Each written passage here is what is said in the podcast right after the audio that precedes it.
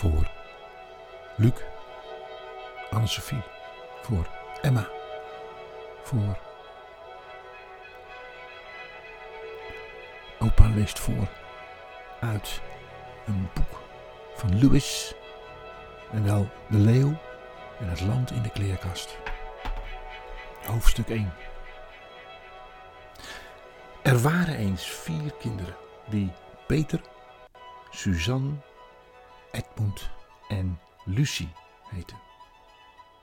En dit verhaal gaat over iets dat ze beleefden toen ze weg moesten uit de grote stad.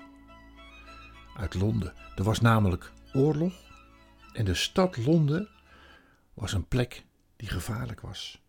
Daar moesten de kinderen dus weg. Ze werden voor een tijdje uit logeren gestuurd en kwamen zolang in huis bij een oude professor die op het platteland woonde, heel ver van de bewoonde wereld.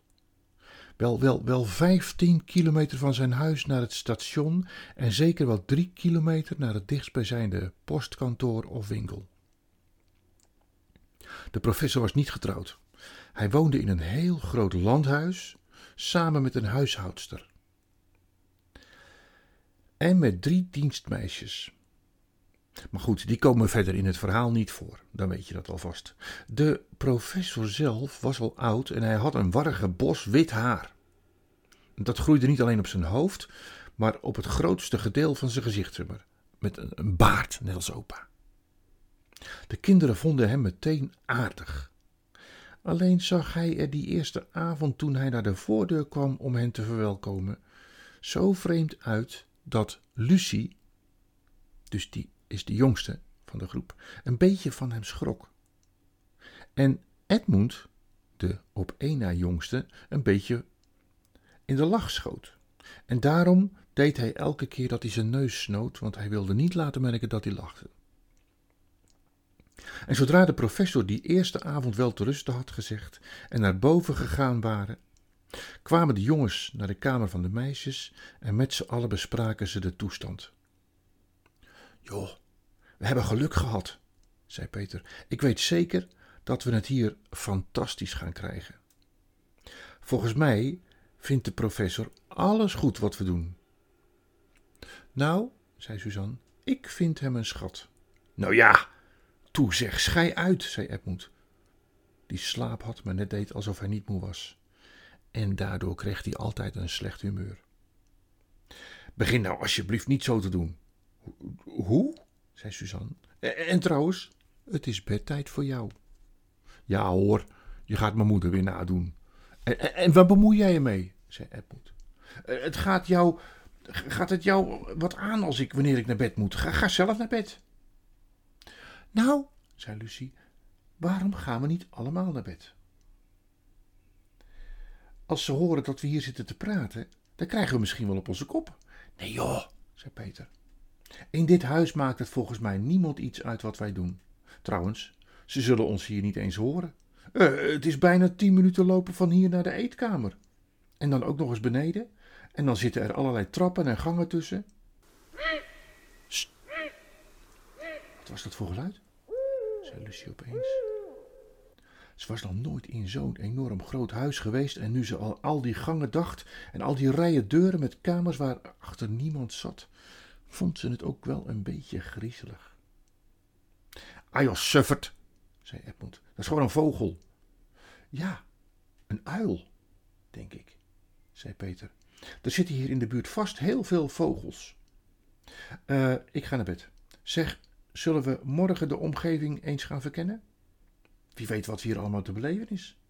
En hebben jullie die bergen gezien toen we hier kwamen? En dat bos, daar kunnen wel arenden zitten, herten of haviken.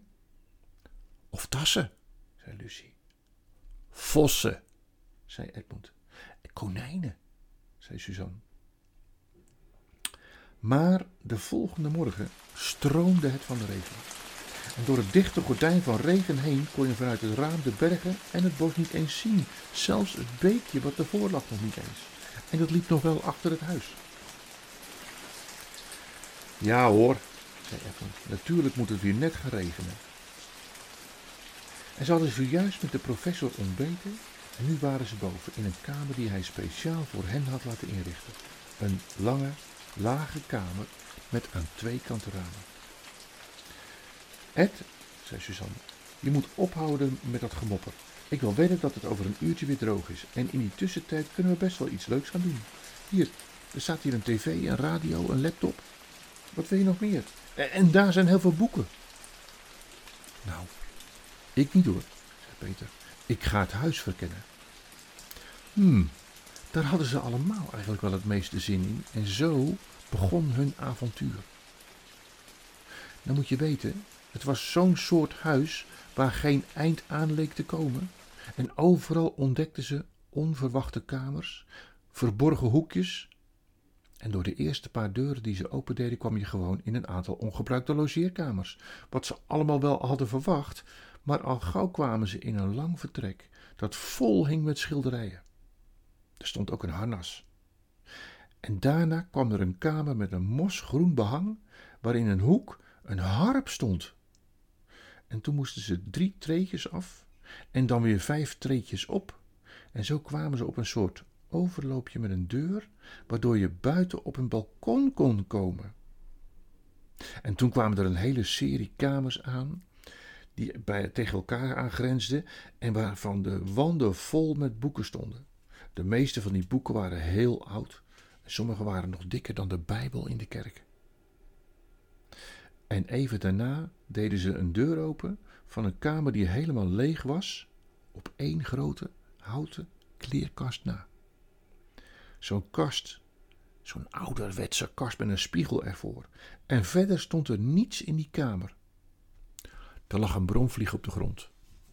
Dood. Hmm, niks, zei Peter, toen ze naar binnen hadden gekeken. En allemaal dromden ze weer naar buiten behalve Lucie. Die bleef in de kamer achter omdat het haar wel de moeite waard leek om in die kleerkast te kijken. Al wist ze bijna zeker dat de deur op slot zou zitten, ging ze toch naar die kast toe en deed de deur open. Ja hoor, de kast ging zelfs heel gemakkelijk open en er rolden twee mottenballetjes naar buiten. En toen ze naar binnen keek in de kast, zag ze een rij jassen hangen, allemaal van die lange bontjassen. En nou is er niets heerlijkers om in zo'n rij bontjassen tussendoor te lopen. Dat bont, dat is lekker zacht, dat geurt heerlijk.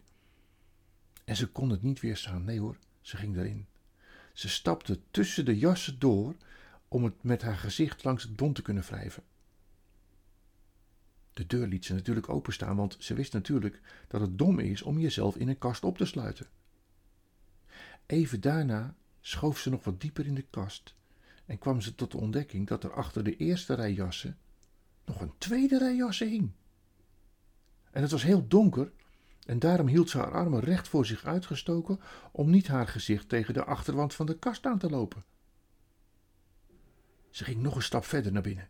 Twee, drie stappen, maar bij elke stap verwachtte ze dat haar vingers tegen de houten achterwand te voelen zouden. Maar nee, die wand die kwam niet.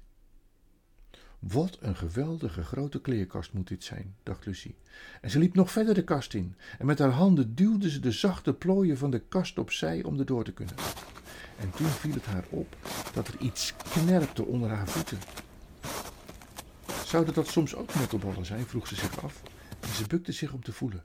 Maar in plaats van het harde gladde hout van de vloer van de kast, pakte ze iets zachts, iets poederigs en ijskoud op. Hé, wat raar, zei ze hardop en ze liep nog een stap naar verder. En het volgende moment was het ineens geen zacht bont meer dat langs haar gezicht en handen streek, maar iets hards, ruw. Het prikte zelfs. Hé, dat lijken wel boomtakken, riep Lucie. En toen zag ze een lichtje voor zich uit. Niet dichtbij, maar waar de achterwand van de kast zou moeten zijn, heel in de verte, daar brandde iets. Er dwarrelde iets kouds en zachts op haar neer en al gauw kwam ze tot de ontdekking dat ze midden in een bos stond en sneeuwvlokken dwarrelden geruisloos door de lucht. Huh? Lucie werd een beetje bang, maar ook wel spannend vond ze het. De nieuwsgierigheid won het. Ze keek achterom over haar schouder en tussen de donkere stammen door kon ze achter zich nog steeds de deuropening van de kleerkast zien. En ze kon zelfs nog een heel klein stukje zien van de lege kamer waar ze zelf vandaan kwam, omdat ze de deur open had laten staan. Het was daar, zo te zien, nog steeds dag. Hm, ik kan nog altijd teruggaan als er iets misgaat, dacht Lucie. Ze draaide zich weer om en begon te lopen door het bos, in de richting van het lichtje. Knoerp, knoerp, door de sneeuw.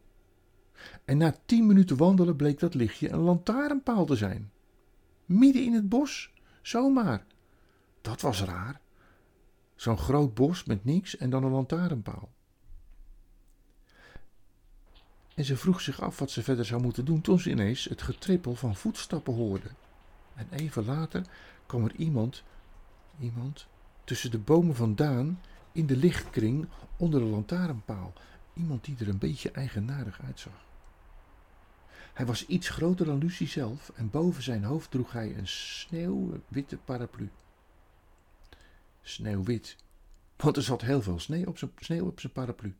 En van boven zag hij eruit als een mens, maar zijn benen leken op geitenpoten.